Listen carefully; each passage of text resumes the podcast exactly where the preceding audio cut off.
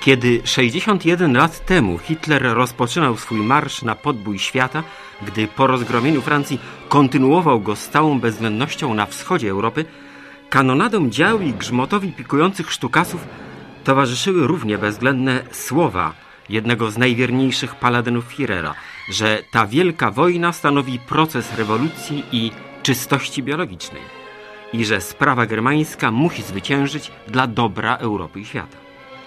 Przypomnijmy dziś autora tych słów, pasowanego już wcześniej na głównego ideologa nazizmu.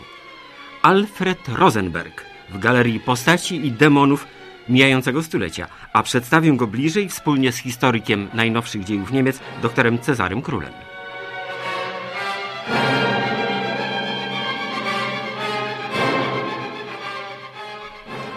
Czy zgodzi się pan z często wyrażanym poglądem, iż Rosenberg wraz z Goebbelsem to byli w najbliższym otoczeniu Hitlera sfrustrowani intelektualiści? Tak jak Gering i Hess należeli z kolei do grupy sfrustrowanych oficerów byłej armii cesarskiej. Panie redaktorze, i tak i nie.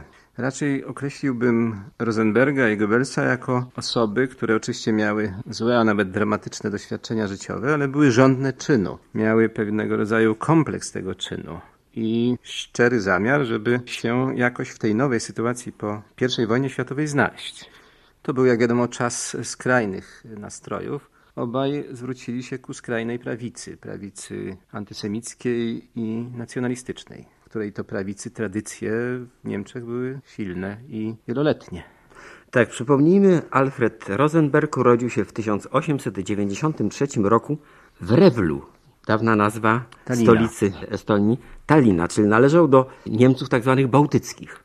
Tak, wywodzi się z rodziny mieszanej, Niemca bałtyckiego i Estonki. Ojciec zarzucił kotwicę w Talinie z tego względu, że uzyskał przedstawicielstwo firmy handlowej, filię firmy niemieckiej, co dawało całkiem dobre e, utrzymanie, które pozwalało młodemu Rosenbergowi podjąć studia. Najpierw na Wydziale Architektury na Politechnice Ryskiej. I kiedy wybuchła I wojna światowa, Politechnika wraz z innymi instytucjami ewakuowała się do Moskwy i wraz z tą instytucją ewakuował się młody Rosenberg.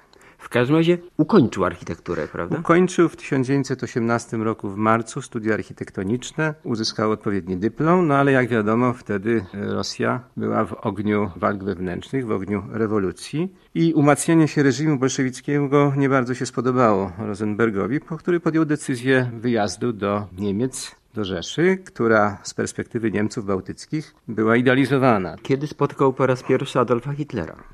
Nie ma pełnej jasności, kiedy to się stało. Być może już w 1919 albo w 1920. Obaj bowiem znaleźli się w tym samym mniej więcej kręgu działania w jednej z organizacji ruchu folkistowskiego.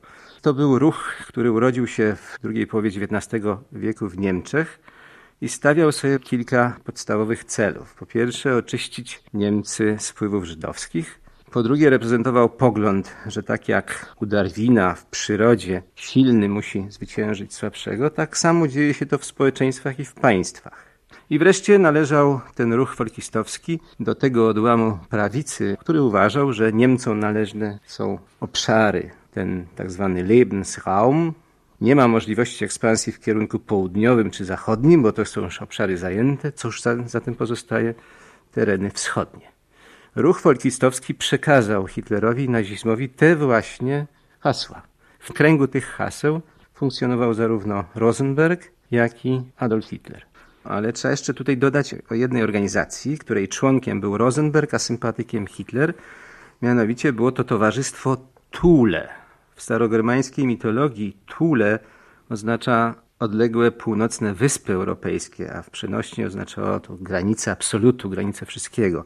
Otóż w tym towarzystwie Thule dojrzewały pierwsze koncepcje skrajnej prawicy nacjonalistycznej po I wojnie światowej. Tu też powstawały pierwsze hasła, które potem przejął Hitler. Można powiedzieć, że to towarzystwo Thule było pewnego rodzaju intelektualnym, w cudzysłowie bądź bez, zapleczem dla tworzącej się partii skrajnej prawicy, którą była początkowo utworzona w 1919 roku niemiecka partia robotnicza, która w 1920 roku została przekształcona w Narodowo-Socjalistyczną Partię Robotniczą, czyli NSDAP.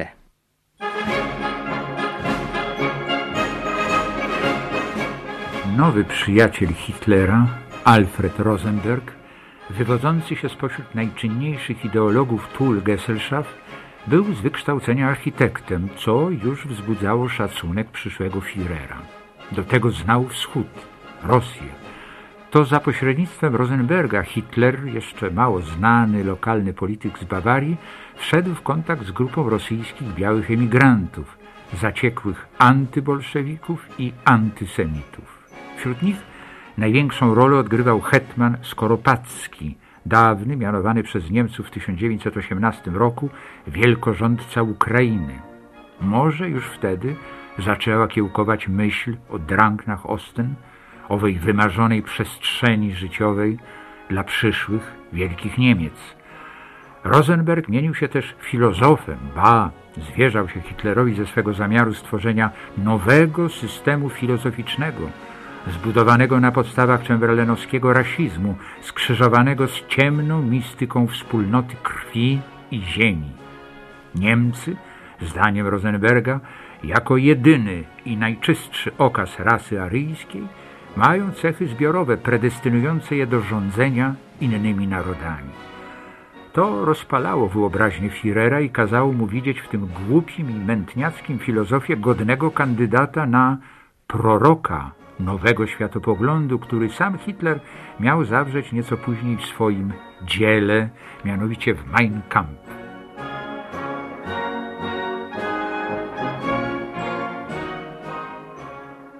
Ależ panie redaktorze, to wszystko to nie jest y, wynalazek Rosenberga. On to oczywiście utopił w takim sosie filozoficznym, ale to są wszystko hasła ruchu folkistowskiego, w którym on dojrzewał po przybyciu do Niemiec i którym się zafascynował.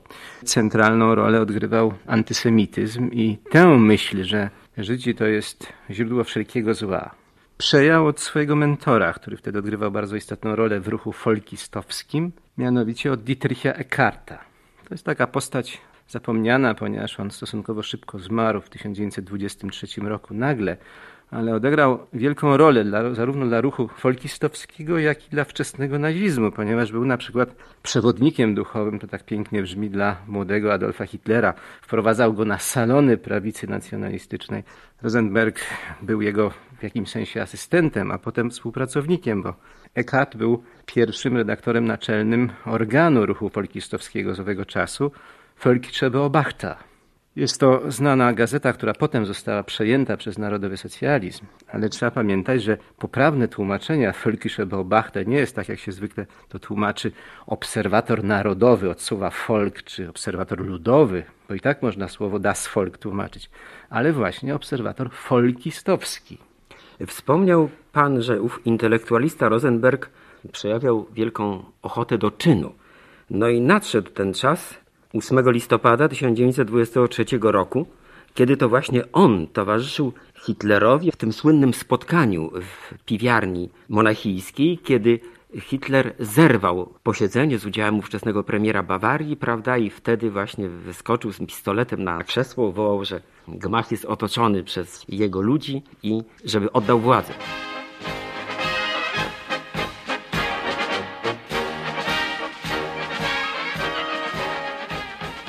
Na wiecu 8 listopada zebrały się wszystkie znane osobistości Monachium, zarówno świata politycznego, jak i artystycznego.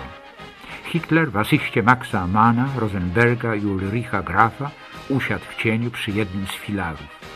Nie budził niczyjej uwagi. To też wszyscy zostali zaskoczeni, kiedy w 20 minut po rozpoczęciu mowy premiera rządu bawarskiego Kara do sali piwiarni wtargnął Gering na czele dwudziestu kilku uzbrojonych S-Amanów. Rozgardiaszu, jaki powstał, Hitler wskoczył na krzesło, wystrzelił z pistoletu i zaczął przepychać się do podium.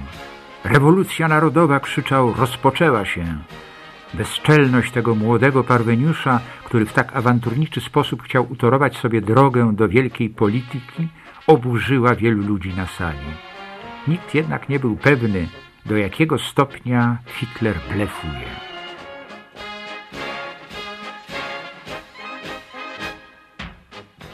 Tak, istotnie y, Rosenberg był przy tej historycznej chwili, był też przy puczu monachijskim Hitlera z 1923 roku, ale nie był to człowiek pierwszych szeregów. Być może dlatego, że Hitler decydując się na pucz w Monachium upoważnił uprzednio Rosenberga, że na wypadek, gdyby mu się coś stało, gdyby stało się coś partii, młodej partii, to Rosenberg będzie miał za zadanie tworzyć organizację